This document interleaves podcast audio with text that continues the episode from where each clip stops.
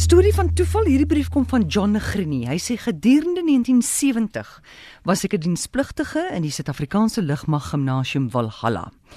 Daai jaar, daai Paasnaweek, is ek toe 'n pasiënt in die een militêre hospitaal Voortrekker Hoogte en ek kon toe nie pas kry vir lang naweek nie. Nadat ek uit die hospitaal ontslaan is, kry ek toe 'n menslike ekstra lang naweek pas sodat ek huis toe kan gaan in Hermanus my meisie het daai tyd daar gebly of liewer my meisie van daai tyd het toe daar gebly. Hy sê aangesien die verlange groot was, besluit ek om liewer te ryloop in plaas van treinry wat te lank sou vat. Ha, wat 'n fout was dit. Ek kry 8 kort geleenthede met lang intervalle toe ek 6 10 ure later na 'n bittere koue nag op Koelsberg beland. Daar staan ek toe vanaf 20 oor 8 die oggend tot na 3 die middag en is redelik moedeloos.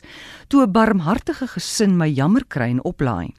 Die gesin, man en vrou met twee klein kindertjies en 'n baba op ma se skoot, maak toe plek in hulle motor en gee die troepie heerlike toebroodjies. Meer nog, die motor se verwarmer werk en ek voel hoe die winterkou stadig uit my ontdooi.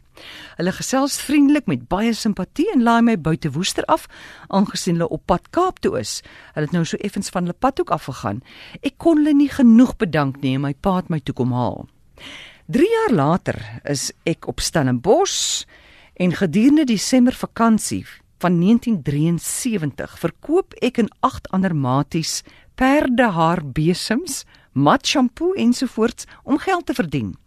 Ons ry per kombi en word afgelaai by straatblokke en stap daar van huis tot huis om die produkte te demonstreer.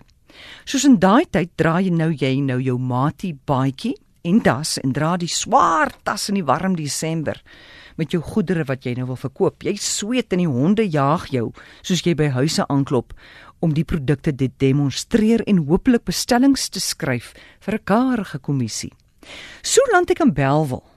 En na 4:00 die middag klop ek aan 'n huis en 'n vrou nooi my binne. Sy roep haar man om saam te kom kyk na my demonstrasie. Die heeltyd staar beide man en vrou my vraend aan. Na 'n paar minute onderbreek die man my en vra of ek 3 jaar gelede in die lugmag was en Hermanus toe gery loop het. So openbaar die toeval.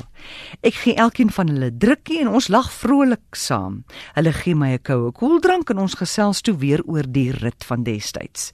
Die vrou vertel hoe jammer sy my gekry het toe en sê ek kon net sowel haar seun gewees het.